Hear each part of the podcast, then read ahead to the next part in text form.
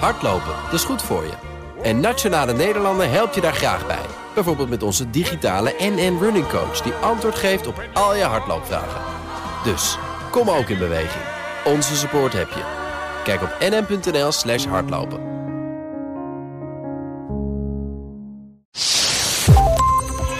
Houston, contact with a test one. Touchdown confirmed. Welkom bij Space Cowboys nummer 78. Welkom Arno Wielders. Goedemiddag. En welkom Erik Laan. Ook goedemiddag. Wij gaan het hebben over uh, allerlei ruimtevaartnieuws. En daarom, uh, om eventjes de gedachten te bepalen, vraag ik jou Arno, wat is jouw leukste onderwerp van vandaag? Ja, dat moet Inspiration 4 zijn. Oh ja. Vannacht gaan er vier uh, gewone mensen, zoals uh, jij en ik, die gaan aan boord van een Crew Dragon uh, de ruimte in, blijven daar drie dagen. En dan komen ze weer terug. En ik denk, ik denk, ik zat een beetje te na te denken, is dat nou iets belangrijks of niet? En ik denk dat het heel belangrijk is. In ieder geval voor de ruimtevaart ja. en voor hoe, hoe, normale mensen, zoals, zoals wij, hè, met minimale training, straks misschien ook wel zo'n ritje kunnen maken. Ja, we gaan er straks veel meer over zeggen. Maar uh, wat ik leuk vind in elk geval is dat ze een veel indrukwekkende reis maken dan Jeff Bezos en Richard Branson hebben gedaan. Dus uh, dat is wel opmerkelijk aan dit uh, verhaal. Absoluut. Ja. Erik, jouw mooie, mooiste onderwerp. Mijn mooiste onderwerp, ja, Perseverance, de Mars, het Marskarretje wat, uh, wat de Amerikanen hebben rondrijden. Die heeft voor het eerst nu succesvol een aantal samples genomen van Mars. En de bedoeling is dat die samples gaan terugkeren op aarde met een missie die nog uh, in ontwikkeling is, nu de Mars Sample Return missie. Oké, okay. nou mijn leukste onderwerp um, is het nieuwe ruimtevaartbedrijf van Steve Wozniak. Bekend van Apple. Uh, we weten er volgens mij nog heel weinig van. Maar wat we er allemaal niet van weten, daar gaan we het zo over hebben. dat is een interessant programma. Dan. Ja, ja. Dat, is, uh, dat is heel fascinerend. Wat gaat, wat gaat die man doen? Uh, en, en heeft dat perspectief? Nou, leuk. Um, Inspiration 4 dus. Ja. Vannacht Vannacht om twee uur. Als het weer goed tijd. is natuurlijk, ja. hè, dan vertrekken ze. Is het weer goed? Volgens mij hebben ze 70% kans dat ze lanceren. Maar het is een heel ruim uh, lanceren uh, window hè, wat ze hebben. Dus Vijf uur geloof ik? Ja, dus, dus uh, het kan best dat ze pas om half vier vannacht lanceren of later. Maar uh, ja, ik heb een klein beetje, dus op Netflix is een mooie documentaire. Een beetje Amerikaans, maar wel erg leuk om te volgen. En daar is eigenlijk vanaf de toewijzing van de drie mensen die daarbij uh, bij zijn gekomen. Naast de biljonair Jared uh, Isaacman. En die heeft allerlei doelen gesteld. Uh, de één doel was dat je, je moest hoop brengen. En de andere doel was dat je genereus moest zijn. En daar zijn de stoelen en de mensen op geselecteerd. Okay. Dat, is, dat proces hebben ze een beetje in kaart gebracht. En ook de training die ze bij SpaceX hebben moeten doen. En ze hebben een soort teamuitje gedaan door Mount Rainier te klimmen. Ik zag ze ook bij een uh, paraboolvlucht. Ja, hebben ze, ze door zo'n vliegtuig ja, heen. Ja, en ze hebben ook in die uh, simulator moeten zitten. Hè, de, de centrifuge. Centrifuge, precies. Dus uh, dat uh, was wel grappig om te zien. Ja, ja. ja. maar die Isaacman, die miljardair, die betaalt dus de hele boel. Die ja. heeft ook bepaald wie er meegaat, toch? Hè, of niet? Ja, hij is daarbij betrokken geweest. Hij okay. zegt in de, in de zelf zegt hij dat hij bij een aantal niet betrokken is geweest. Dat hij dat zelf op de uh, eisen die ze stelden heeft laten voor, uh, door laten gaan. Dus uh, hij heeft niet ja. zelf de mensen uitgekozen. Oké. Okay. Nou, verder hebben ze het zo te zien ook zo divers mogelijk gemaakt. Hè? Voor zover dat kan met vier mensen. Maar ik heb twee ja. mannen, twee vrouwen. Er is een donker iemand bij. En oud en jong is vertegenwoordigd. Ja, verschillende opleidingsniveaus. Goed over nagedacht, ja, ja, zeggen. Ja, nou, het lijkt het doorsnee van de bevolking. En ja, ik vind dat wel erg goed gedaan. Ja, ja. Ja. Um, en dan gaan ze drie dagen, hè, drie dagen rondjes draaien. En dat, dat zei ik dus net al. Uh, dat is echt, het is veel hoger. Het is echt in de ruimte. en het is, en het is een, een, baan om de aarde. En dat kon je allemaal van uh, Bezos en Branson niet zeggen. Nee, nee, ze gaan zelfs naar 575 kilometer hoogte. Dus hoger dan het ISS. Ja, waarom eigenlijk? Hoe hebben ze die baan bepaald? Zit daar iets achter? Ja, ze wilden iets doen wat uh, iets meer was. Kijk, gewoon op 400 kilometer rondjes draaien doen we toch ook al een tijdje. Hè? Ja, dus zij wilde echt, iets doen. Geen rocket science. dat, weet ik. dat is het misschien nou net wel, maar oké. Okay. Ja. Maar die 575 is iets wat nog niet uh, door veel mensen is aangetikt. Okay. Ja, is ook hoger dan de Hubble. Uh, servicing flights, die 45 ja. kilometer. Ja. Daar zijn ze dus net even boven gaan zitten. gaan we dan dingen kunnen zeggen als Behalve de Apollo-astronauten is niemand, is geen mens zo hoog geweest? Of ja. is dat? Ja, ja, ja. ja? ja. Wauw. Correct. Ja. Zo. En het is En ook dat nog voor een toeristische missie. Ja, en het zit aan de limiet van wat eh, Dragon aan kan eh, en wat Falcon eh, kan doen. Ze praten over misschien naar 1000 kilometer hoogte, maar veel verder dan dat. Niet nu toch. De, de- nee, nee, nee, nee, wat- maar die wat de capaciteit Ja, van ja, de raket in principe aan kan. Dus Ja. ik, ja, je kijkt er wel een klein beetje naar uit, moet ik eerlijk zeggen. Ja. Eh, maar dan is het dus midden in de nacht en wordt het een beetje lastig om dat live te gaan zitten volgen. Ja, dat ga ik dus wel doen. Dat ga je dus wel Ja, doen. dat ga ik dus wel doen. Eh, Stoer. dus, nou, nee, niet stoer, maar ik, ik denk dat het toch wel Je een heel klein beetje een soort historische gebeurtenis is. Ja. En ik ben heel erg benieuwd, want dit zijn mensen zoals, hè, die hebben niet eh, veert of tien jaar een training gehad. Nee. Dus ik ben heel erg benieuwd hoe zij in die Dragon Wie gaat dat zitten. ding dan besturen? Nee, dat doet dat ding zelf. Je hebt helemaal geen Oh. mensen nodig om dat ding te besturen. Ze zitten daar gewoon maar als passagiers in een, eh, in een tram. Ja. Ja, Zoals die andere astronauten In trouwens feite ook. wel, ja. precies. De training die astronauten natuurlijk doen als ze naar, naar eh, de ruimte gaan, is voor grotendeel hoe, hoe moet je bij ISS aankoppelen? Wat moet je in het ISS doen? Ja. En hoe, hoe ben je daar zes maanden? Hoe overleef je daar?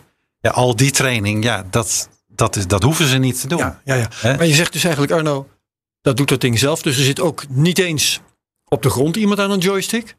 Dat is gewoon geautomatiseerd. Het is wat ik begreep, dat de Crew Dragon is een, eh, bijna volledig geautomatiseerd. Ja. Wauw. En alleen in, in het geval dat systemen uitvallen, dan is er bepaalde actie eh, nodig. Ja. Maar dan is het alleen dat de mensen die erin zitten, die moeten eigenlijk ondersteunen de mensen op de grond die bepalen wat er gebeurt. Ja, ja, ja. Dus Ja. Bij wijze van spreken zeggen ze, druk nu die knop in. Precies. En dan draai hem eh, drie eh, klikjes Pak nu de brandblusser, want je moet nu wat blussen. Ja. En dat soort dingen bijvoorbeeld. Hele goede tips zijn dat. Ja. Ja, oké, is leuk. Ehm, dat brengt mij met, bij eh, het verhaal waar jullie misschien meer van weten dan ik. Anders dan klik ik even door. Maar ehm, het verhaal van de Virgin Galactic missie met Branson aan boord. Daar is iets mee, hè? Daar is een koersafwijking geweest. Hij is geweest in airspace waar hij helemaal niet... Wat zit je nou te lachen? Het is, het is, het is weer eens een typisch verhaal. Kijk, wat, wat, wat het waar of niet? Ja, nee, het is waar. Ja, Ze zijn buiten hun eh, eh, Oevers getreden. Precies. En, en, en dat mag niet. Dus de FAA heeft gezegd van voorlopig vliegen jullie niet. We zoeken eerst uit hoe het gekomen is. Maar gisteren was er een eh, uitspraak van Branson. En die zei gewoon ja... Maar joh, luister nou, dit zijn testvluchten. We kwamen er een klein beetje buiten. Maak je die druk, joh. Ah, Wat is het probleem?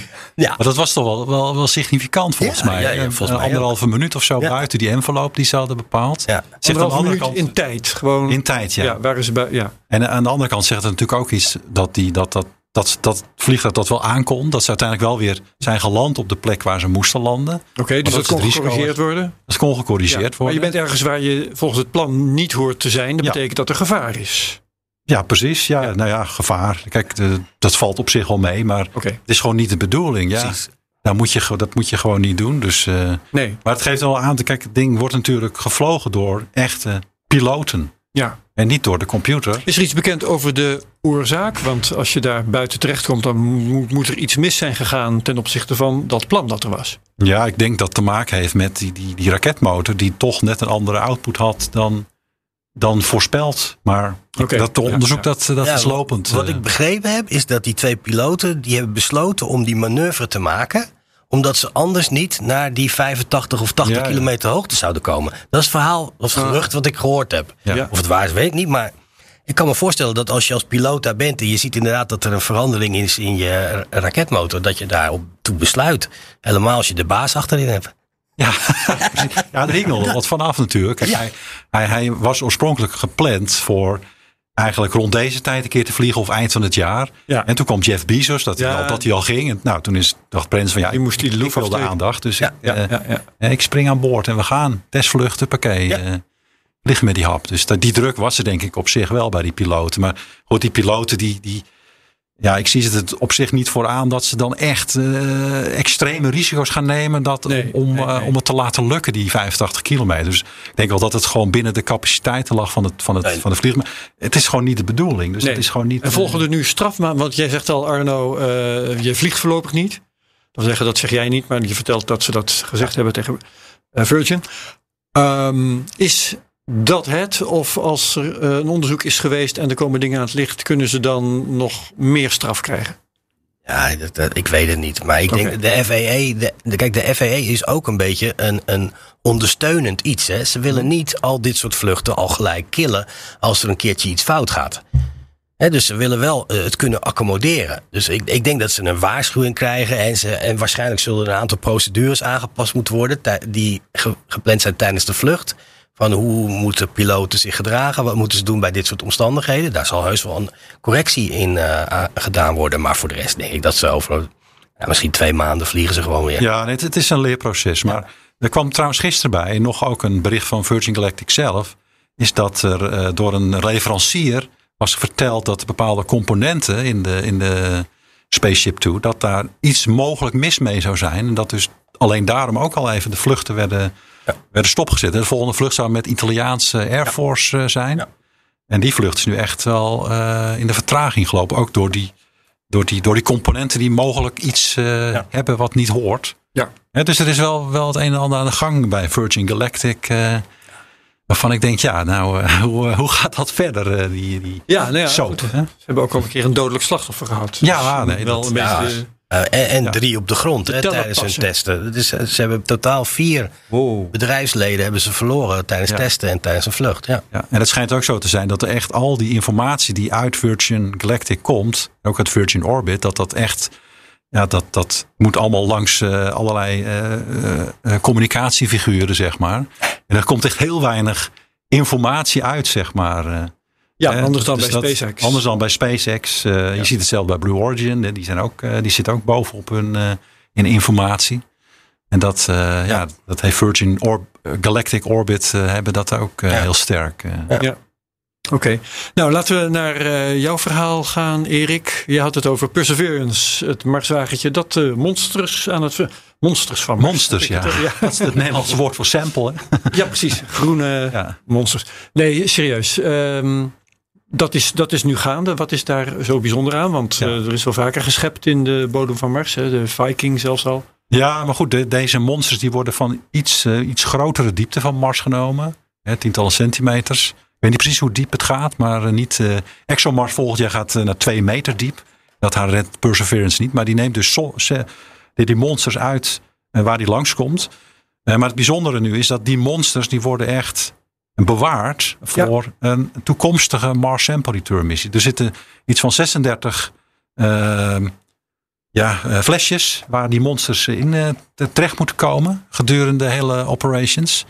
En dat hele geheel van die 36 flesjes wordt op een gegeven moment op het Marsoppervlak achtergelaten op een, ja, op een Oh, ik, goede wilde, plek. ik wilde net gaan vragen, gaat hij daar nou al die tijd mee rondrijden? Maar nee, hij zet zijn lading Nou ja, gewoon hij, ja, neer. hij rijdt er nog even mee rond. Ja, Totdat, eh, totdat ze allemaal gevuld zijn met interessante locaties. Ja, En dan wordt dat geheel van die 36 samples wordt ergens neergezet.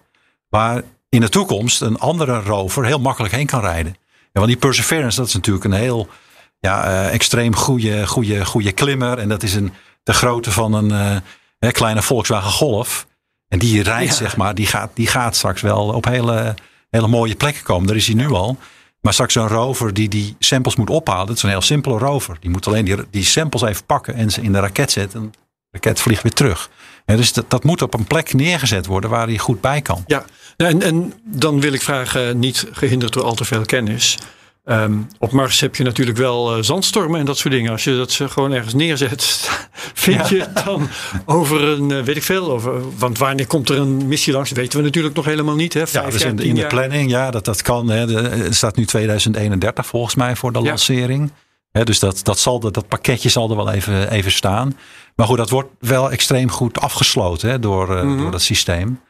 Dus elk, eh, elk, elk eh, flesje waar een sample in gaat, dat wordt helemaal gesealed. Nee, maar je moet het wel terug kunnen vinden. Ja, je moet het wel terug kunnen vinden. Maar dat, dat uiteindelijk Lijkt jou geen probleem, maar Nee, jou, dat- nee? Nee, Dat, dat, dat zie je met eh, de Mars Reconnaissance Orbiter.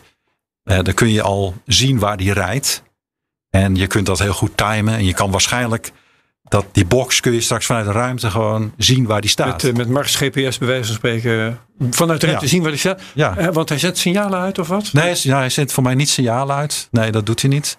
Maar op een gegeven moment weten ze gewoon de locatie. Ja. Omdat ze weten waar de Perseverance is. Waar Ja, die hem die is gedropt geweest. Ja, ja, ja. En dat, kijk, de moeilijkheid is nog wel van om uiteindelijk die Mars sample return echt in de buurt te krijgen van die, van die, eh, van die samples. Want dat, Dat is nog, uh, nog ja, je, je moet met een bepaalde nauwkeurigheid landen. Dat is natuurlijk precies. Ja. ja. En als je dat vergelijkt met uh, toen de Vikings landen hadden ze een landing ellips van nou een paar honderd kilometer. uh, en dat moet je natuurlijk nu niet hebben. Dat je zegt, nee. oh we zijn op Mars geland, we willen die samples pakken. Oh, maar ze staan 100 kilometer ja, verderop. Dus en, wat is de tolerantie die je hebt? Een kilometer of zo? Ja, ik weet niet precies, Minder maar dat zal, wel, het dat zal het ongeveer worden, zeg ja. maar. Uh, ja, dat, dat, dat, het, dat het wel bereikbaar is binnen, binnen korte tijd. Zeker. En die monsters, wat voor informatie zoeken ze daarin? Vroeg of laat? Nou, kijk, uiteindelijk leven natuurlijk. Hè. Dat, is, dat is het ja. grote vraagstuk van: is er leven op Mars of was er leven op Mars? Hè, dat is de, de, de vraag die ja, eigenlijk ieder mens voor mij bezighoudt. Uh, is er leven in het universum buiten onze eigen planeet Aarde? Ja.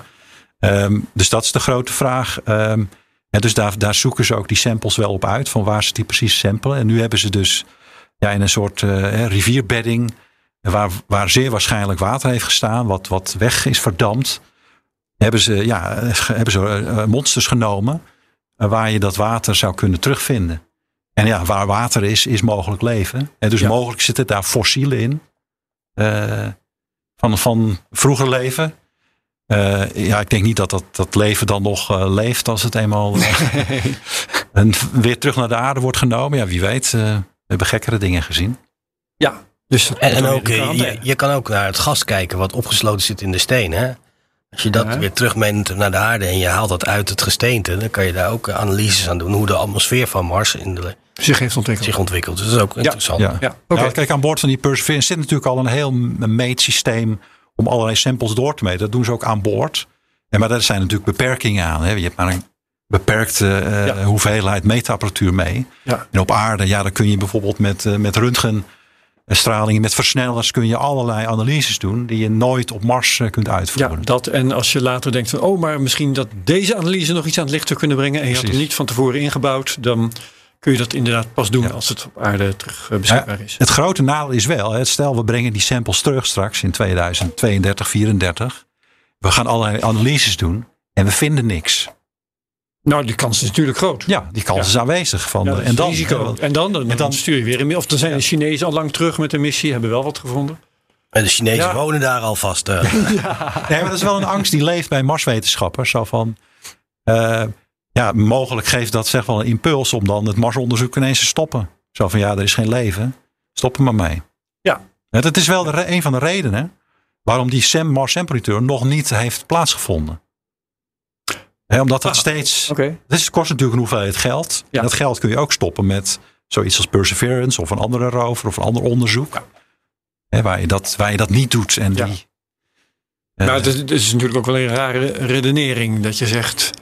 We gaan dat maar niet onderzoeken, want anders vinden we misschien niks en dan mogen we niks meer onderzoeken. Dat ja, maar, die reden er al niet eens aan begin. Ja, dat is een reële angst natuurlijk. Ja. Er is maar een beperkt hoeveelheid geld voor dit soort uh, ja. ruimtevaartprojecten aanwezig. Dus ja. Nee, maar wat, wat ik interessanter vind is. Dit is een manier om een, uh, een uh, sample terug te krijgen die best tijdrovend is. Hè. Je, je, zet het nu klaar en dan ga je ja, wachten op een mogelijke toekomstige missie. Maar bij mijn weten zijn, zijn de Chinezen al, ook al bezig met het terugkrijgen van materiaal van Mars. Nee. Nee, dat is nee, niet het geval. Ze zijn bezig met materiaal van de maan. Dat hebben ze gedaan. Oh ja. Maar een sample return missie van China heb ik nog niets ja. van gehoord. Oké, okay, dus dat is toch wel uh, uh, zonder nog, concurrentie op dit moment. Nee, over misschien dat ze het over een jaar of twee aankondigen. Want uh, ja, uh, precies. dat zou me niet ja, verbazen. dan zouden ze dus sneller voor elkaar kunnen krijgen. Dat, toch, dat, dat is, dat, maar dat is altijd zo. Hè. De, China heeft één partij die alles bepaalt. En als ze iets willen, dan gebeurt het gewoon. Ja. Dat, dat is hun voordeel. Oké, okay. nou goed. we kunnen niks anders doen dan afwachten. Leuk. Um, dan wil ik het gaan hebben over het ruimtebedrijf, ruimtevaartbedrijf van Steve Wozniak. Privateer Space, het is aangekondigd. Maar als ik de berichtgeving goed begrijp, weet niemand eigenlijk uh, wat die wil gaan doen. Wel hebben ze een mooie video gebracht, daar laat ik even een paar stukjes uh, van horen. En ik vertel wat we zien. Er wordt een raket gelanceerd, we zien beelden van de aarde. Together, we'll go far. Precies. Mensen die naar boven wijzen. We'll look out for one another. Solve problems together. This isn't a race. It isn't a competition. Or a game. Bosbranden, one beelden van de zon. One company, one nation. We are one planet. We are explorers. We are dreamers, risk takers, engineers, and stargazers Maanbeelden. are human. And it's up to us to work together to do what is right and what is good. So here's to taking care of what we have so the next generation can be better together.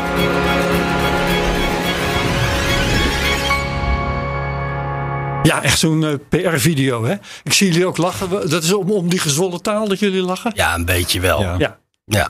Ja, het is typisch. Ja, Amerika, dat je noemt typisch Amerikaans. hè. Precies. En er wordt dat helemaal nou? niks verteld over wat ze gaan doen. Nee, maar, maar het, goede is dat de man heeft verschrikkelijk veel geld. dus, eh, Ja, dat, dat, Oprichter van Apple, hè, voor wie niet weet, eh, zeggen we dat er nog eventjes bij. Steve Wozniak, eh, Maar een ik- van de twee Steves van Apple. ik, ik weet er ook helemaal niets van af. hè. Dus hij heeft niks bekend van wat, eh, wat hij van heb plan dat, is. hetzelfde filmpje ook al gezien. ja. Toen dacht ik ook van ja, wat gaat hij nou doen? Ja. Eh, wat is nou... De, de speculatie is, en dat is gebleken uit eh, documenten die eh, per ongeluk eh, zijn, eh, zijn eh, ontdekt, dat hij iets wil gaan doen met het opruimen van ruimtepuin. Oké. Dat is nieuw voor jullie? Nou, dat, dat het plan was eh, wel. Maar dat het opruimen van ruimtepuin is natuurlijk niet nieuw. Nee, er zijn er wel meer die daarmee bezig zijn. Ja, En dan, dan wordt de vraag, hoe wil hij dat dan, gaan doen? Ja. Want ehm, er zijn niet zo heel veel succesvolle manieren die je zou kunnen bedenken. Überhaupt lijkt mij. Hè, er, er zijn wat, eh, wat eh, ideeën over het rondsturen van satellieten... die dan één voor één grote brokstukken ophalen. Ja. Maar dat zet geen zoden aan de dijk als je eh, miljoenen kleinere brokstukken hebt. nee, nee, precies. Ja, Het schaalt niet, met andere woorden. Nee, dat, dat is het probleem. Kijk, de, wat er moet gebeuren in mijn, in mijn inziens is dat eerst die grote jongens moeten weggehaald worden. Bijvoorbeeld Envisat, een eh, satelliet van de European Space Agency, die op een gegeven moment ermee uitschee. Zit op eh, 800 kilometer, meen ik. Eh, ja, die hangt daar. Is een grote bus van 9000 kilo. Accident waiting to happen. Accident waiting to happen. Absoluut. Die moet gewoon naar beneden. En ja. En nog een paar van dat soort grote, grote jongens. Tussen, tussen de 500 en de 1000 kilometer. Misschien wil hij gewoon dat wel gaan doen. Maar dan is de volgende vraag, wat is het verdienmodel? Precies, Iemand moet het dat gaan betalen. Ja. Ja. Nee, dat is het issue in, in, in, in een ruimtepuin. eh. want er is, er is geen verdienmodel. Er is niet, er is niet de wetgeving nu die, die, daarop, eh, die, die daarop aanstuurt. Dat, Nee. je, dat je daar ja, wat mee moet. Nou ja, aan de andere kant, ik, ik- iedereen praat erover. Hè? Iedereen zegt van dat ruimtepuin moet eindelijk maar eens wat, wat dat gaat eh, problemen veroorzaken. We raken satellieten kwijt straks. Dus dat, dat er op een punt komt waarbij mensen zeggen van nou, het moet gebeuren en we moeten daar geld voor opzij zetten. Dat zie ik binnen nu en een paar jaar wel gebeuren. Oké. Ja, maar kijk, down the line is het voor, zo'n, voor een, echt, de echte commerciële ruimtevaart. En dan praat ik over de Satcom-industrie. Kijk, die hebben het gewoon over eh, eh, dollars per bit. En hoeveel, eh, ja, als je op een gegeven moment moet zeggen, we moeten een maand korter opereren. Ja, Dollars per bit, dat snap ik even niet. Want bit is iets uit de IT. eh. ja dus eh, de, de hoeveelheid data die, die Oh, zo'n toch. satelliet zeg maar doorzet. ja, ja, ja. ja. Oké, ja, ja. Dus als je dan dat gaat uitrekenen, ja, dan kost het gewoon geld. Ja, tuurlijk. En wie, maar wie gaat de rekening betalen? Ja, Dus maar op, ze zelf- op, op een gegeven, Overheden. ja, op een gegeven moment maken ze een risicoanalyse. En kijk, we hebben 10% kans dat ons satelliet eerder dan dat die eh, doodgaat, geraakt wordt door een stuk ruimtepuin. Ja, nou, dan ga je uitrekenen, dat levert me zoveel geld op. Als ik 20 satellieten heb, dan, dan moet ik wat mee doen. Dus ja, ik, ik denk dat die tijd aan het komen is. Dan wordt het Ja, gewoon een, een, hoe heet dat? Een winstgevende propositie Ja. om eh, die troep gewoon weg te halen. Ja, Ja. En maar hetzelfde geldt voor al die, eh, die constellaties die nu eh, omhoog gegooid worden. Zoals OneWeb, eh, Starlink. Starlink. En er zijn eh, nog drie, vier in de maak. Ja. Ja, dat nee, maar kijk, er, er is Ja. ergens niet een, een, een, een penalty die je betaalt hè, als er iets misgaat. Nee. Dat, is, dat is denk ik het probleem. Als je op een gegeven moment een botsing krijgt tussen twee satellieten. En, en het, een van die twee satellieten is van jou. ja. India deed dat laatst nog hè, als eh, experiment. Ex- op het experiment, gebied van ja. oorlogvoering in de ruimte. De internationale boosheid, maar niemand kon er wat aan doen. Ja, ze hadden toen het idee van oké, dit, hè, dit, dit ruimtepuin wat we nu creëren, dat valt heel snel terug naar de aarde. Nou, er zijn er nog een aantal objecten die zitten nu ergens tussen de 200 en 1000 kilometer. Die zitten daar lekker rond te draaien. Zo, zo, zo, zo, ja. Die kunnen, ja, stel dat dat jou raakt, Ja. jouw satelliet, je kunt dat aantonen. Ja. Nou, dan heb je op zich wel een case, maar er is niet dan keiharde wetgeving of een internationaal tribunaal waar je dan zegt, Nee. nou India, kom maar even naar voren. Dit is de schade die we geleden hebben, kunt u even Maar betalen. dan heb je nog niet eens over de, de miljoenen objecten van een centimeter en zo, die ook, en kleiner, die ook eh, schade kunnen aanrichten. En waar je gewoon niet eens aan kunt beginnen om die op te ruimen. Uh, ja, alleen, kijk, daar zijn de, de, de, de gevolgen soms niet zo. Het, het, het, is, het is vrij leeg nog in de ruimte.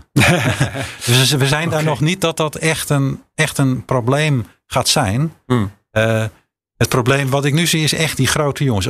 Dat, dat zijn die accidents waiting to happen. Als, als die, hè, als bijvoorbeeld Envisat in één keer geraakt wordt door een of ander andere satelliet. Dan, dan begin je problemen te krijgen. Ja. Dus dat moet je voorkomen. Ja, dat er nu al een hoeveelheid ruimtepuin is. Ja, daar kunnen, we, daar kunnen we nu mee omgaan. We moeten gewoon zorgen dat er niet meer bij komt. Maar wat er nu is, dat is, dat is mee te dealen. Dat is niet een. Uh... Nee, oké. We gaan uh, Wozniak volgen. Vroeg of laat zal hij toch moeten bekendmaken wat hij gaat doen. Ja, nou, hij is welkom natuurlijk hier. Ja. Om, uh... ja. ja. dat denk ik ook. En hij is ook niet de eerste ex-IT'er die zich op dit gebied begeeft. Met alle Bezos en. Ja. en wie hebben we ook weer nog meer? nou, Elon Musk zelf natuurlijk. Ja, Allerlei. Ook uit IT. Ja, Chris Okay. Kemp. ja, en Astra. Ja. Hoe heet je, die gasten van uh, Eric Schmidt en uh, ik geloof Larry Page, die hebben Google. ook geïnvesteerd Ja. in uh, Ja, nee, maar dat- we, hebben, resources. we, hebben, we hebben het al eerder gezegd. Ruimtevaart is extreem hot op dit moment. Ja. Tenminste, aan de andere kant van de oceaan. Hier is het nog een beetje aan het borrelen. Ja. Maar daar Nou, is ja. het... eh, nou, eh, misschien dat we er later nog op terugkomen. Maar ik zie dat de, de nieuwe Director-General van ESA... heeft wel een aantal eh, ideeën waar we achter kunnen staan met z'n allen. Dus dat is wel leuk. Oké, nou vertel meteen maar. Oh, Ja. ja. ja, wa- wat hij, hij heeft heel erg goed gekeken naar wat er aan de overkant van de oceaan gebeurt. Mhm. en, en is bezig om te kijken of we Europa net zo competitief kunnen maken. Ja, dus de, hij vindt ook dat er nieuwe bedrijven moeten komen. Die, eh, en misschien ook wel dat bepaalde projecten niet meer gewoon eh, zo gegeven moeten worden aan de standaard bedrijven. Maar misschien moet daar ook competitie in komen. Eh moet daar ook wel priva- privaat geld bij. Dus hij heeft daar best wel ideeën over om dat aan te gaan pakken. Dus Hoe heet de man? Jozef Aschbacher. Oké. Ja, Ja. Die is sinds Als januari. Ja, ja. Dus sinds januari is hij eh, aan het eh, roer. En eh, ja, het lijkt wel dat hij een soort eh, frisse wind er doorheen probeert te gooien. Goed zo, nou, dus dat meteen ook vermeld. Ja. Hey Erik, jij wilde het ook hebben over een aantal mishaps, noemde je het. eh, Ja. gefaalde lanceringen. Ja, nou, sinds de van- vorige uitzending, Ja. toen, toen was het even raak met lanceringen. Ja. Eh, ik denk, voor mij was de eerste was die, die Astra Ja. eh, lancering. Die lanceren vanaf eh, Kodiak Island in eh, Alaska. Oké. Dus in, Ja. in, de, in, de, in de diepe kou. Ehm, Polaire satelliet. Ehm, ja, daar kunnen ze polair goed, goed lanceren. Maar dat, dat, dat is een goede plek daarvoor. Hè? Dus, Ja.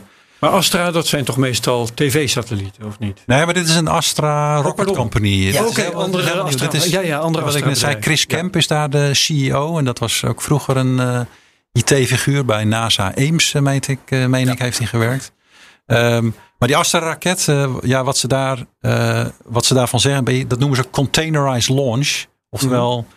ja, dat, dat rij je ergens heen met een paar vrachtwagens en dan ga je gewoon lanceren, waar je ook bent. Ja, je moet wel een stukje beton hebben onder je, maar... eh, eh, dus, dus die Astra-raket, maar dit was al de zesde raket die ze, die ze eigenlijk hadden gebouwd. Ze hebben ze niet allemaal gelanceerd. Eh, maar de zesde raket, ja, die, die ging op een gegeven moment ontsteken. En die ging toen ja, een beetje, een beetje zijwaarts. En dat was enigszins, enigszins komisch. om te Horizontaal. zien, hè. Oh, ja. Horizontaal. De Die ging zo hoeveren. Eh, Die ging hoeveren, zeg maar, over de grond. En die toen verdween ging- ook buiten beeld. ja, dus eh, en wat er gebeurde was dat een van de raketmotoren eigenlijk niet goed is opgestart. En dat hij daardoor ja, instabiel is geworden. En die andere raketmotoren die hielden Ja. hem wel een beetje. Er was een betrokkenen bij dit eh, verhaal. Die twitterde bij die bewuste beelden.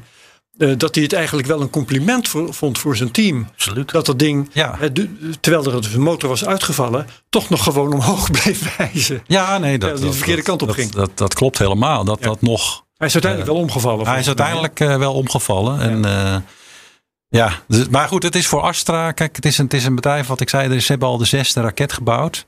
En ja, het wordt nou wel echt tijd dat ze, dat ze, dat ze een succes boeken. Want ze waren eigenlijk Mhm. al bij de eerste vlucht. Waren ze al verder dan ze nu waren. hè. Oh ja, Hè, dus ze zijn een beetje terug aan het lopen, zeg maar, qua dat kun je successtory. niet hebben. Nee. En dat kun je niet hebben. Dus eh, ja, ze, kijk, ze hebben een raket gebouwd die moet iets van 150 kilo naar een lage aardbaan brengen. Dus het is echt een hele kleine, kleine raket voor kleine satellieten.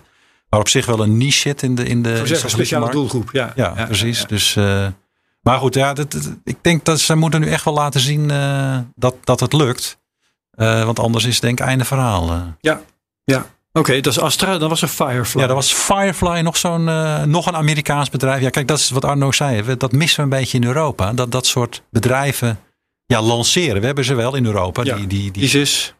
nou ja, Nee, die, die rakettenbedrijven. Die dan niet mee? Nee, maar ISIS lanceert niet. Die zorgt alleen dat de Dat is payload, zoals voor satellieten, op de raket geplaatst worden. organiserend bedrijf. Ja, ja. Reisbureau. Ja, goed.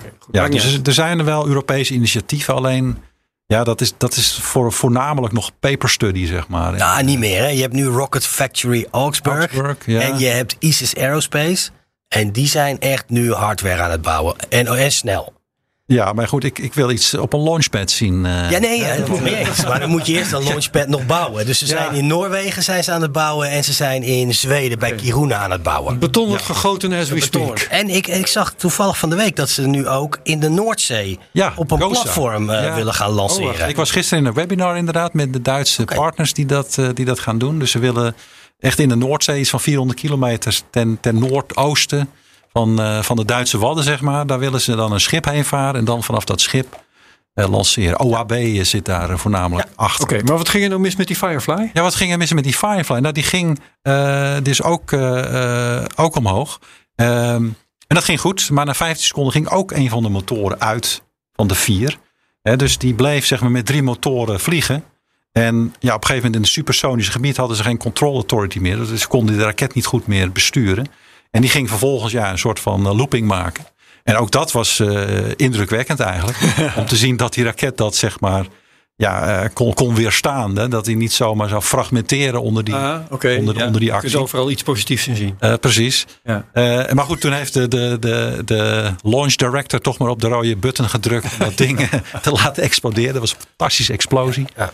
En, eh, maar ja, goed, dat was wel het einde van die, van die Firefly. Maar dat was de eerste lancering. En eh, ja, ze hebben heel veel data opgehaald. Dus ik, eh, ja, ik, ik denk Ja, dat ze binnen een paar mee. maanden de volgende gaan doen. Goed. Dat wachten we dan af. Ehm, eh, Arno, jij wilde het hebben over solar superflares. Er was een mooi Ja, stuk over verschenen. Kijk, In Scientific American. Ja, dit is wel grappig. Hè? Kijk, de, wat een hele hoop mensen zich niet beseffen is dat eh, wij zitten hier op onze aarde en we zitten redelijk veilig. En ach, dat wat er buiten gebeurt, ah, dat zal, maakt niet zoveel uit. Nou, dat is dus niet helemaal waar. Want als je gaat kijken in de geschiedenis, en dat hebben ze nu in dat stuk gedaan. Ze hebben gekeken in eh, bomen en in de jaarringen. En daar kunnen ze bepaalde hoeveelheid eh, elementen uithalen. Ja. En als er een, bijvoorbeeld een hele grote flare is geweest, dan kan je van bepaalde elementen is daar meer van. Uitbarsting op de Uitbarsting zon, van de zon. weet, Je raakt de aarde en eh, daar ontstaan er allerlei deeltjes. En die slaan dan neer op de aarde en dat kan je detecteren. En er zijn een aantal events. En een daarvan is het Carrington Event. Dit is ongeveer in het begin van de 19e eeuw gebeurd. Waarbij een hele hoop eh, elektrische spullen op de aarde stuk gingen.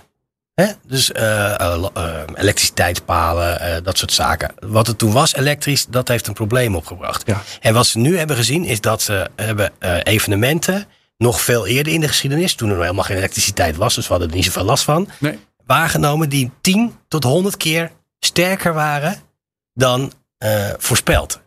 En eh, ze zien dat in de afgelopen 6000 jaar, zien ze, hebben ze dat nu toe twee keer gevonden. Terwijl ze pas 25% van de data hebben bekeken van die hele periode. Dus grote kans dat daar nog 4, 5 bij komen. En dan heb je het ongeveer van één keer in de duizend jaar dat zo'n enorm event gebeurt. Ja. En als dat nu zou gebeuren, zouden we alle satellieten verliezen. En we zouden onze complete elektrische infrastructuur op aarde verliezen. Oei.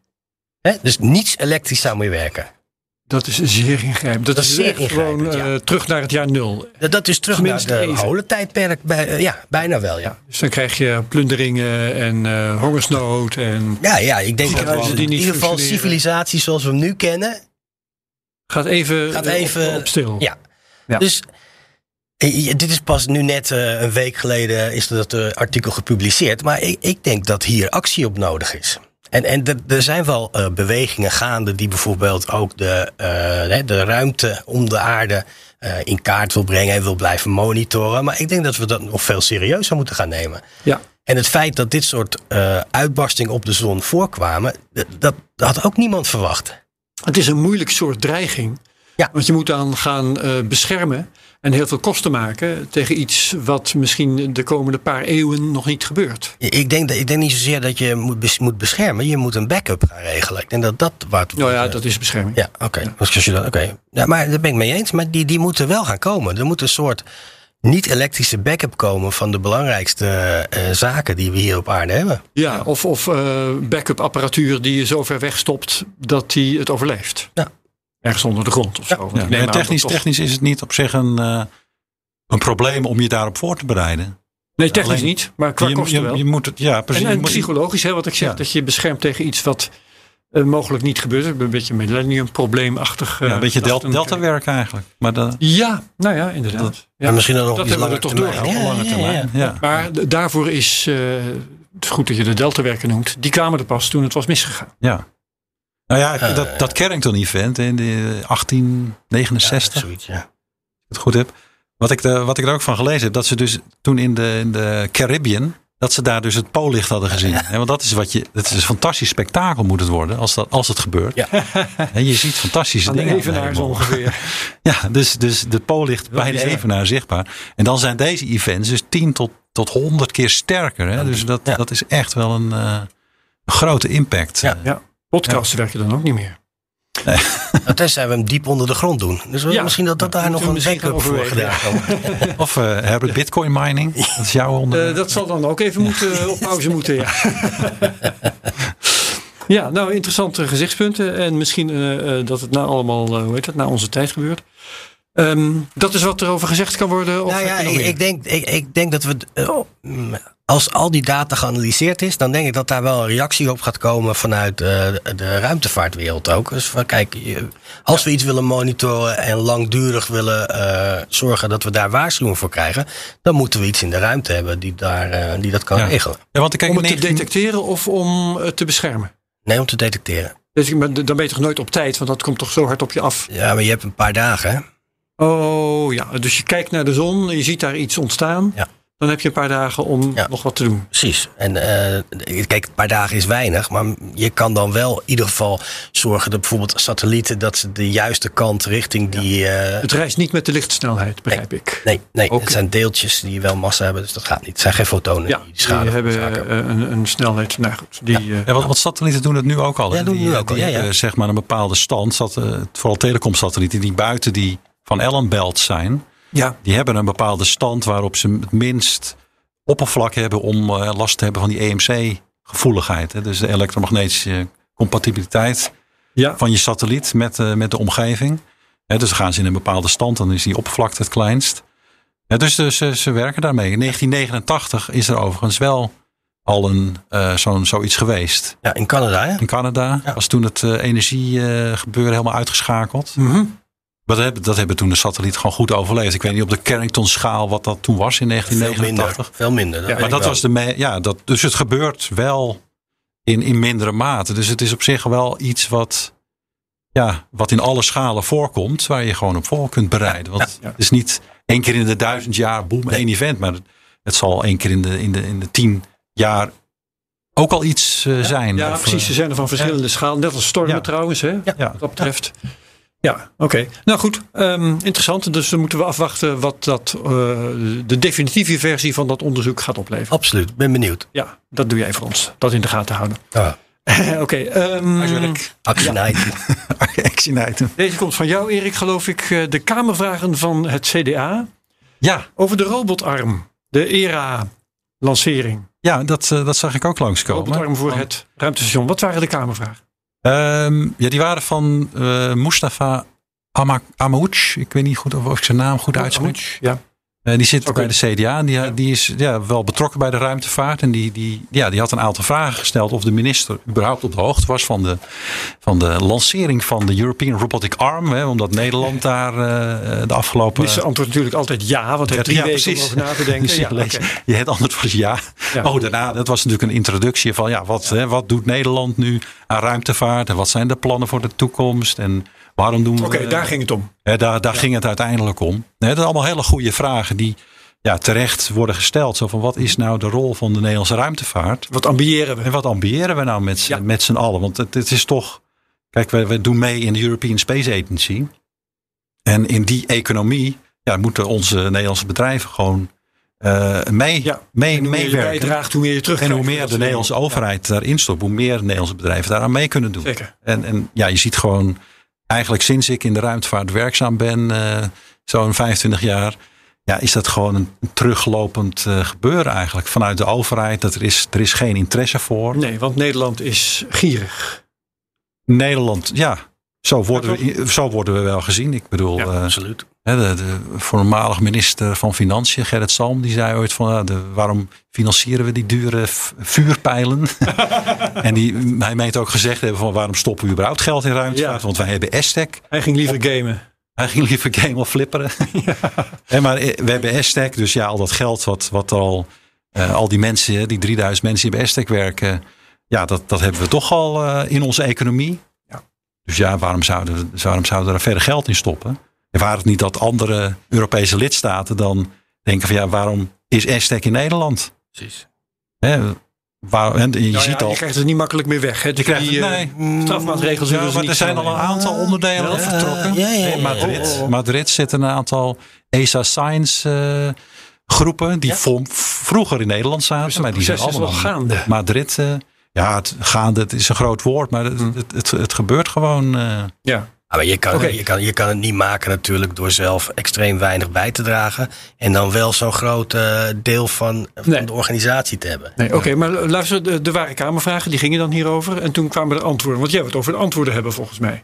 Uh, ja, en die waren teleurstellend. Die zijn, ah. ja, kijk, we Wie zitten is de betrokken bewindspersoon? Even voor het uh, Mona Keizer van oh, Mona. Econo Economie en Klimaat. Ja. En dat is de bewindspersoon die over, uh, over, e of over Nederlandse ruimtevaart gaat. Ja. Um, ja, ik, ik, ik vond de reactie gewoon teleurstellend. Aan de ene kant begrijpelijk. Hè. We zitten in de, in, in de huidige politieke situatie dat we een demissionair kabinet hebben. Die weinig, oh, dat gaan we door, doorspelen naar de, het volgende ja. kabinet. Stikstofcrisis dat, en alle dat, dingen. Precies. En, ja. Maar goed, er staat ook met zoveel woorden in. Er was een vraag van ja, komen er nog dit soort projecten als ERA die we als Nederland gaan doen? Nou, dat antwoord is gewoon nee. Want dit, dat past niet in, de, Mm. in onze visie, in ons budget. En hè, we hebben ons echt gefocust op een paar hele kleine niches. En dat is uh, waar, we, waar we goed in willen zijn. En dat is, dat is wat we alleen en doen. werd dan bedoeld ruimtevaart niches of juist niches buiten de ruimtevaart? Nee, nee uh, niches in de ruimtevaart. Oh, dat dan weer wel. Kijk, waar Nederland goed in is. Wat waren bouwen, die niches? Bouwen van optomechanische instrumenten voor aardobservatie. Oké. Okay. En dan heb je een hele lange historie van... Je loopt van GOME naar Skiamachi, naar OMI, naar TROP-OMI, naar Sentinel-5. Dat bouwt Nederland okay, dat, uh, traditioneel lopen. instrumenten voor. ja. En dat, dat, daar, bedoel, daar, dan maken we prachtige dingen als Nederlandse industrie. Maar, ja, dus de, net... daar had de staatssecretaris wel een punt, of niet? Daar heeft een nee. punt, maar nou ja, dat, nee. daar stopt, het, daar stopt ja. het. Het probleem is dat het daar stopt altijd. Mm -hmm. uh, met, uh, en dan moet ik, kijk ik ook naar de industrie zelf. we kunnen die hele mooie instrumenten bouwen. En hele, hele knappe instrumenten. Alleen je ziet nooit dat daar nou een commercieel succes van wordt gemaakt. Het blijft altijd een ESA-project, een one-off. Okay. En daarna, ja, er is gewoon geen drive om daar nou een commercieel instrument te maken. Terwijl er een hoop satellieten boven hangen, ja. waarop instrumenten zitten die, die het veel beter hadden kunnen doen als, als een, het Nederlandse bedrijfsleven die instrument had gebouwd. Het punt maar, dat je nu, dat, dat grijpt weer terug op waar we het net over hadden, dat uh, de Verenigde Staten wel een bloeiende ruimtevaartindustrie heeft, die competitief is en noem maar op, en dat wij dat hier niet hebben. Ja, in veel mindere mate. In, in, in Europa al minder. Maar in Nederland een stuk minder, zeg maar. Er zijn een paar uitzonderingen. ISIS is, is een bedrijf wat echt enorm is gegroeid. Ja, Van der Sat. Van der Sat en, en, en uh, Hyber. Uh, Inderdaad. Ja, dus er zijn wel hier en daar Allemaal uitzonderingen. Maar hè, dat is vooral hè, dankzij die ondernemers zelf. Niet zozeer omdat Nederland nou... Nee, uh, precies. Oké. Okay. Dus, ondanks het Nederlandse beleid is dat. Ja. Kijk, wat, wat, wat je een beetje zou willen is dat, dat een overheid op, op een aantal gebieden een lang, lange termijnvisie heeft. Dat, ja. dat, dat is in mijn ogen een klein beetje de rol die de Als overheid ik het goed begrijp, wordt het ook beweerd met die optomechanische. Sorry dat ik. Ja, maar dat, ja. dat is een lange termijnvisie die niet, uh, hè, zoals het mooie woord, uh, langdurig houdbaar is. Ja. Want het is veel te weinig. Je, je, je kan niet op die manier doorgaan door eens in de tien jaar zo'n prachtig instrument. Hè. Laten we daarover stellen, instrumenten zijn prima. Maar je kan dat niet één keer in de tien jaar doen en denken dat je daarmee redt. Nee. Dat is niet competitief, dat is, dat is geen groeiscenario, dat is helemaal niks. En, en dat is een klein beetje waar, waar een hele hoop mensen nu ook. We horen dit niet alleen van ons, hè? Want ik zie nu ook eh, bij presentaties van naar het ministerie van Economische Zaken toe. dat de industrie ook wat feller wordt en wat meer zegt van ja, eh, wat willen we nou eigenlijk met z'n allen? Dus ik zie wel dat er wat meer komt, maar het is nog steeds een beetje ja, tam af en toe. Ja, dat is dan. En, en weinig, weinig inspirational vind ik het ook. Hè. We hadden het net over Mars Sample Return. Ehm, nou, de, die missie is nu in voorbereiding. Ja. Eh, door de Amerikanen en door ESA. Nou, er wordt door allerlei partijen hard gewerkt. Maar in Nederland doen we daar gewoon niet aan mee. Terwijl we wel... Kijk, we hebben een wetenschapper in Utrecht, Ingeloes ten Katen. Ja, die heeft aan, aan, de, aan de Marsrovers gewerkt. Ja, eh, is hier ook geweest. is er ook geweest. Nou, Ja. dat is perfect eh, wetenschapper om daaraan mee te dragen. Eh, we hebben Lyonix in het oosten van het land. Die bouwen hele slimme live market chips waarmee je leven kunt detecteren. Oké, Eh, is nog dus niet hier geweest. Dus we misschien eens een keer Het instrument wat naar Mars moet, eh, Ja. in mijn ogen. Ja. Ja, kijk, die, dat bedrijf gaat niet aan de slag als, daar, als er niet Nederlandse bijdrage het niet gewoon geld is. Nee, Nee, dus, en, dus er zijn hele mooie dingen mogelijk. En kijk, zo'n Mars Sample Return ook. Daarvan denk je, ja, dat, dat, dat inspireert gewoon mensen. Daar krijgt mensen op de bed. Daar ga je naar kijken. Want je wil gewoon weten hoe zo'n missie, missie, missie loopt. Ik geef ook zelf les bij in Holland. eh, op het gebied van space engineering. Al die studenten. Ja, die, die zijn niet geïnteresseerd in, eh, in de volgende optomechanisch instrument voor aardobservatie. Die willen, die willen meer weten over Mars. Die willen, ja, die, Ja. die willen veel uitdagendere dingen doen dan wat we nu doen in Nederland. Ja. Oké, helder. Goed, eh, weer een onderwerp om te blijven volgen. Ehm, nog meer daarover of gaan we naar het volgende? Nou, ja, gaan we naar het We volgende. gaan naar het volgende. Eh, ik heb er nog twee, we raken er een beetje doorheen, maar dat is prima. Eh, ik heb hier staan, eh, ik, ik weet niet eens hoe ik het moet uitspreken. Dat komt ergens uit een van jullie appjes. Goes you on Falcon Heavy in 2024? Dat is die, eh, dat is die, eh, Oh, die ja. eh, of die weersatelliet. Ja, er gaat een, er gaat een weersatelliet, eh, de GOESU. Dat, en dat staat voor eh, Geostationary Operational Environmental Satellite. Oké, ik begon het dat in het Engels uit te spreken, maar in het Engelse taalgebied doen ze dat vast ook. Ja. en dat is al U, hè? Dus het is ooit begonnen bij de letter A. Oh, is dat waar? Dus dat, ja. dat, dat, is, dat is al een hele, dat is een hele serie van satellieten. Eh, eigenlijk de, de tegenhanger van, eh, van wat wij in Europa hebben, Meteosat. Dus die Mhm, kijkt naar het weer. Ja. Ehm, maar goed, er gaat er een in 2024 omhoog. En ja, het triggerde mij wel dat hè, die, die lancering gaat nu door een Falcon Heavy eh, gebeuren. Dat is het nieuws. Dat, Dat is het nieuws. En- ja. Ehm, Waarom is eh, dat belangrijk? nou, dat, ik, ik vond de kosten wel interessant. Er stond 152 miljoen dollar voor die lancering. Eh, terwijl zeg maar een vorige eh, contract met de ULA, de, de, de, de, de, de competitor van de SpaceX, die had het gedaan voor 165 miljoen. En we praten natuurlijk in de Mhm. ruimtevaart vaak over dat die kosten naar beneden gaan. Ja. Maar dat valt hier dus wel heel erg mee. Hè? En dus Tegen. dat is een. Of tegen. Ja. Hè, dus dat, dat, dat, ja, dat, dat, dat wilde ik even melden. Dat ik, ja, in die ruimtevaart zit een hoop bus soms van, oh, we gaan de kosten van eh, access Ja. to space gaat echt eh, orders naar beneden. Oké, maar Wel- laten we eens even. Eh, Falcon Heavy, dat is dus SpaceX. Ehm, die zijn bezig door raketten die, eh, die hergebruikt kunnen worden, eh, de kosten omlaag te brengen. Maar hebben op dat gebied natuurlijk geen concurrentie nog. Klopt. Dus kan het, en ik, ik eh, hoor uit jouw woorden dat ze die prijs wel een beetje lager hebben gemaakt. Een miljoen Ja. of tien. Ja, maar dat is niet de reden waarom ze gekozen zijn. ULA Nee. heeft zich teruggetrokken. Omdat ze geen Atlas 5 meer in voorraad hebben. Atlas 5 gaat eruit. Er komt een Ja. nieuwe, de Vulcan. Dus eh ULA heeft gezegd van wij hebben onze Atlas 5 die we nog hebben. Die hebben we al verkocht aan commerciële mensen. Dus wij trekken ons terug uit dit contract. En daarom heeft SpaceX dat gekregen. Oh, anders hadden ze het niet gekregen. Anders hadden ze Want het niet ik, ik ging gekregen. speculeren, zouden ze soms die prijs zo stellen dat ze Nee, eh, hem zo hoog mogelijk Nee, stellen nee, dat hij net nog iets lager is. nee dat geloof ik niet. Dat maakt in deze niet zoveel uit. En, en je moet ook niet vergeten dat ehm, de, de, als je commercieel een Falcon Heavy koopt, is hij een stukje goedkoper dan nu. Hè? Er zijn Ja. een hele hoop additionele eisen die de Amerikaanse overheid stelt aan een lanceerpartij. Eh, waardoor er heel veel papierwerk bij komt, die misschien bij commerciële lanceringen wat minder is. Ah, En daar, daar gaan de kosten wel een stukje van omhoog. Ja, Ja. dan gaat het naar iets van 120 miljoen. Ja. En zelfs eh, als je een Delta Heavy, of een, eh, ja, ik zeg nou Delta Heavy, Delta 4 Heavy. Maar als je die voor de, voor de NRO gaat inzetten, dan, eh, dan ben je volgens mij wel 300 miljoen Klopt, dollar ja, kwijt. precies. Ja, dat is ook allemaal papierwerk. Het is allemaal en ook, papierwerk en eh, geheimzinnigheid en weet ik allemaal niet veel. Praat je voor 150 miljoen aan papierwerk. Ja, ja, ja, ja, maar dat, als, als je 30, 40 man eh, gedurende 4, 5 jaar eh, continu dat soort dingen moet laten controleren, dan gaat het in de papieren lopen. Ja. Maar is dat zinvol papierwerk of is het onzin? Eh, Soms is papierwerk zinvol, dan dient het de veiligheid of iets dergelijks. Nou ja, de, de NRO is, is een enorme eh, is een veiligheidsdienst in Amerika. Dat zeg ik, ja. Je moet alles geheim houden. Dus ja, ja, voor hun is het nuttig. Oh, dat is veilig in de zin van eh, bedrijfsgeheim of nationaal belang ja, of ja, zoiets. nationaal Ja, belang. Ja, Ja, ja, ja. nationale veiligheid, daar valt het onder. Ja, ja, ja. Dus ja. ja. Maar goed, eh, wat mijn punt is eigenlijk van die, eh, die, die, die lanceerkosten, die zijn nog niet eh, die orde van grootte naar beneden gaan. gaan dus, hè. Nee. En de, eh, SpaceX is daar natuurlijk keihard mee bezig. Hè, maar die is natuurlijk ook, hè, ze lanceren ook hun eigen Starlink satellieten. Hè? Dus dat, want pas die, die herbruikbaarheid van zo'n zo'n Falcon 9, dat wordt pas echt interessant als je die launch cadence hebt. Hè? Dat je elke week lanceringen hebt. Juist, dat je dat ook, dat tempo omhoog krijgt. Dat je dat, als je alleen als je dat tempo hebt, dan kun je die stap maken dat je lanceerkosten naar beneden brengt. Anders Ja. heeft het gewoon geen zin. Want je ziet eigenlijk geen enkele andere partij echt serieus werken aan herbruikbaarheid. ja. Maar dan denk ik nog eventjes Ja, aan... jawel, je, hebt- je hebt eh, Relativity Space, die doen dat. En Blue Origin doet dat ook.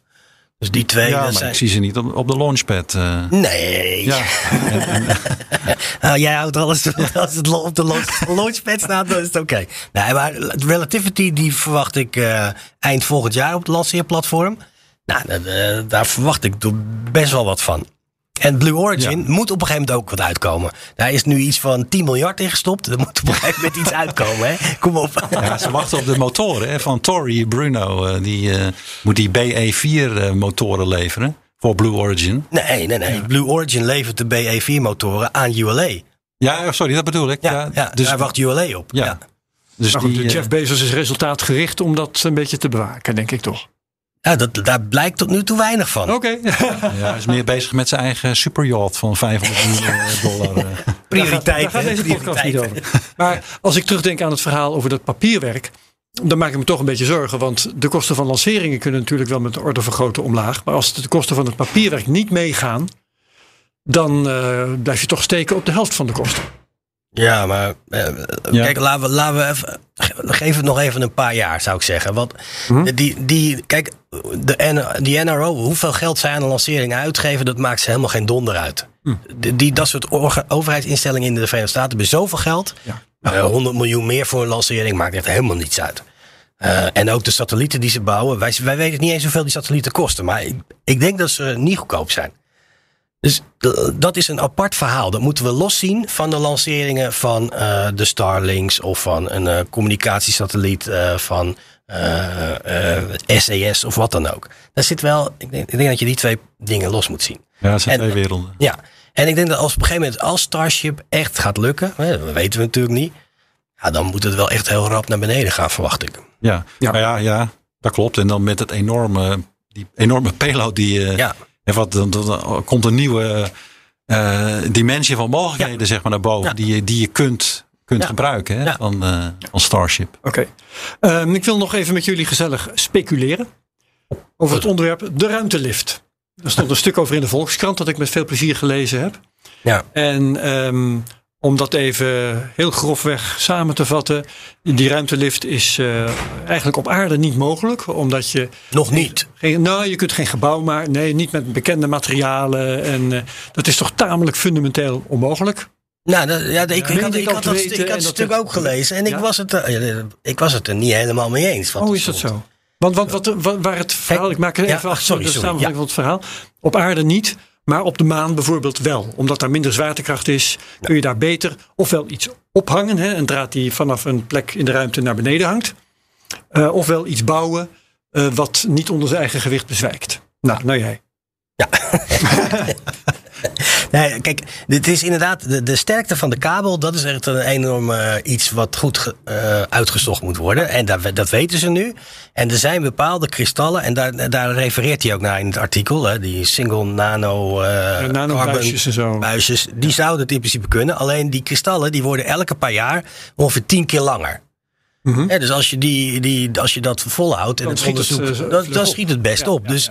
Exponentieel. Ehm, en ik ben het helemaal mee eens dat al- sowieso op de maan, maar eh, zelfs op de maan, eh, laten we nou eerst eventjes een aantal dingen eerst doen. eh.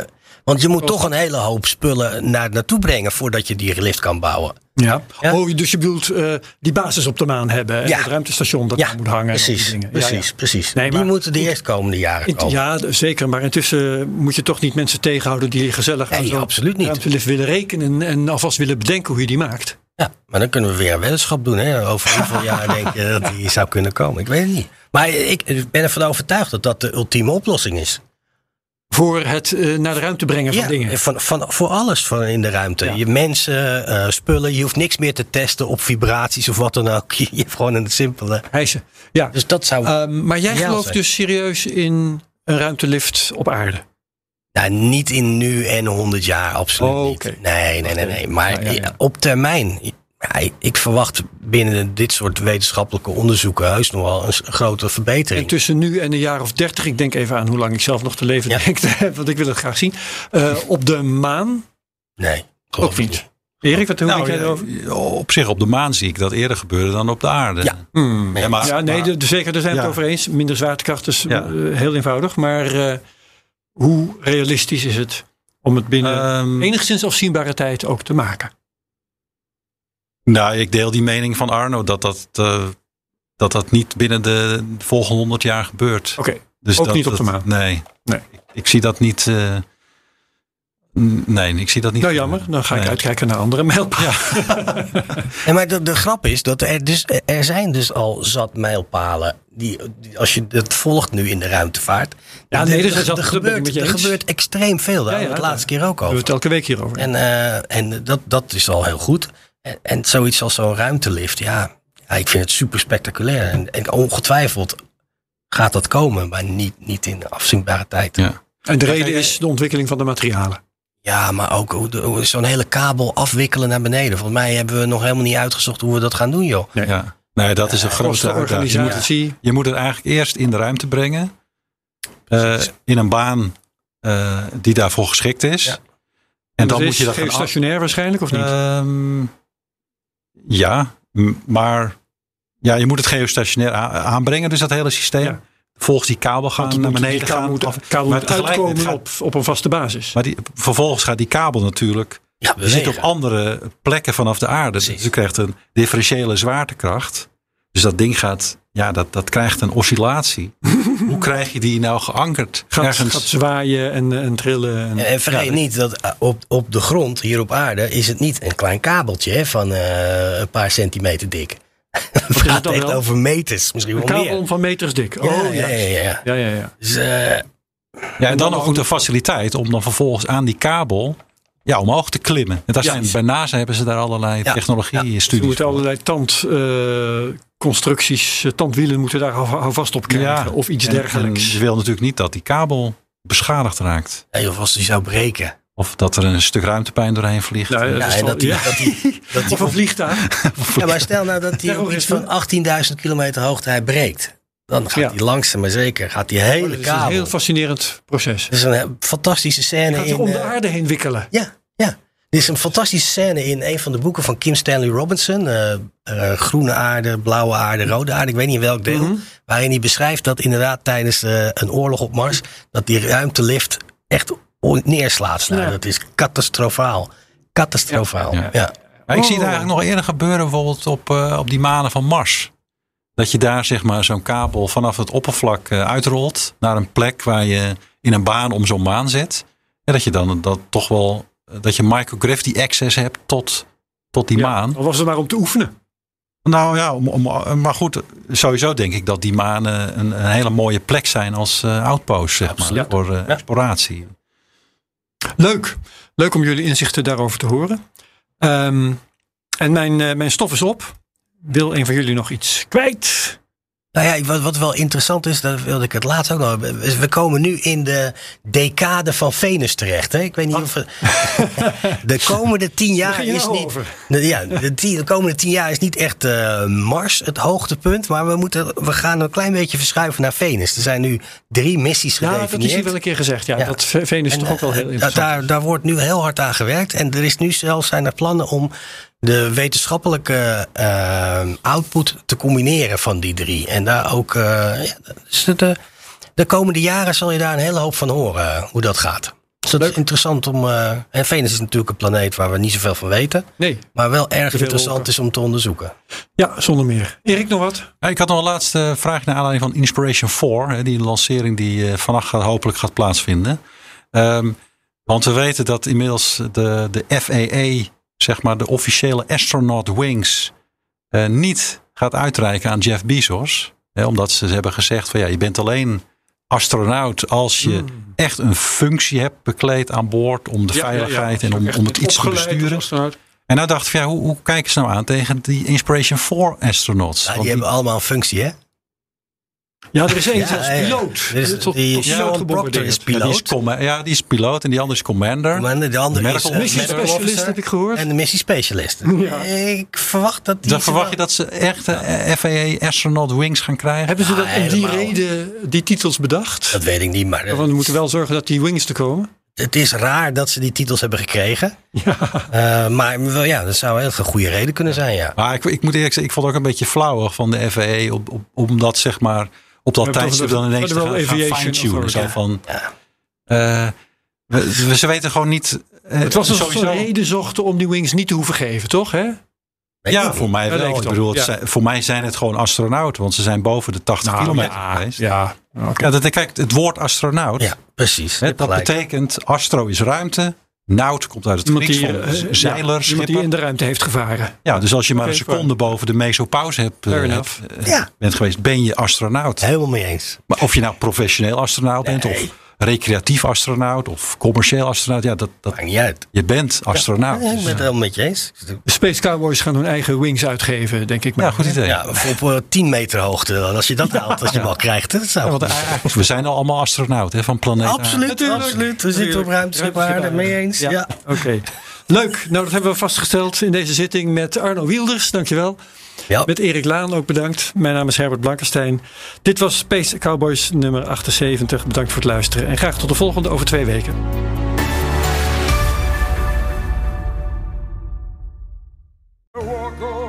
Hardlopen, dat is goed voor je.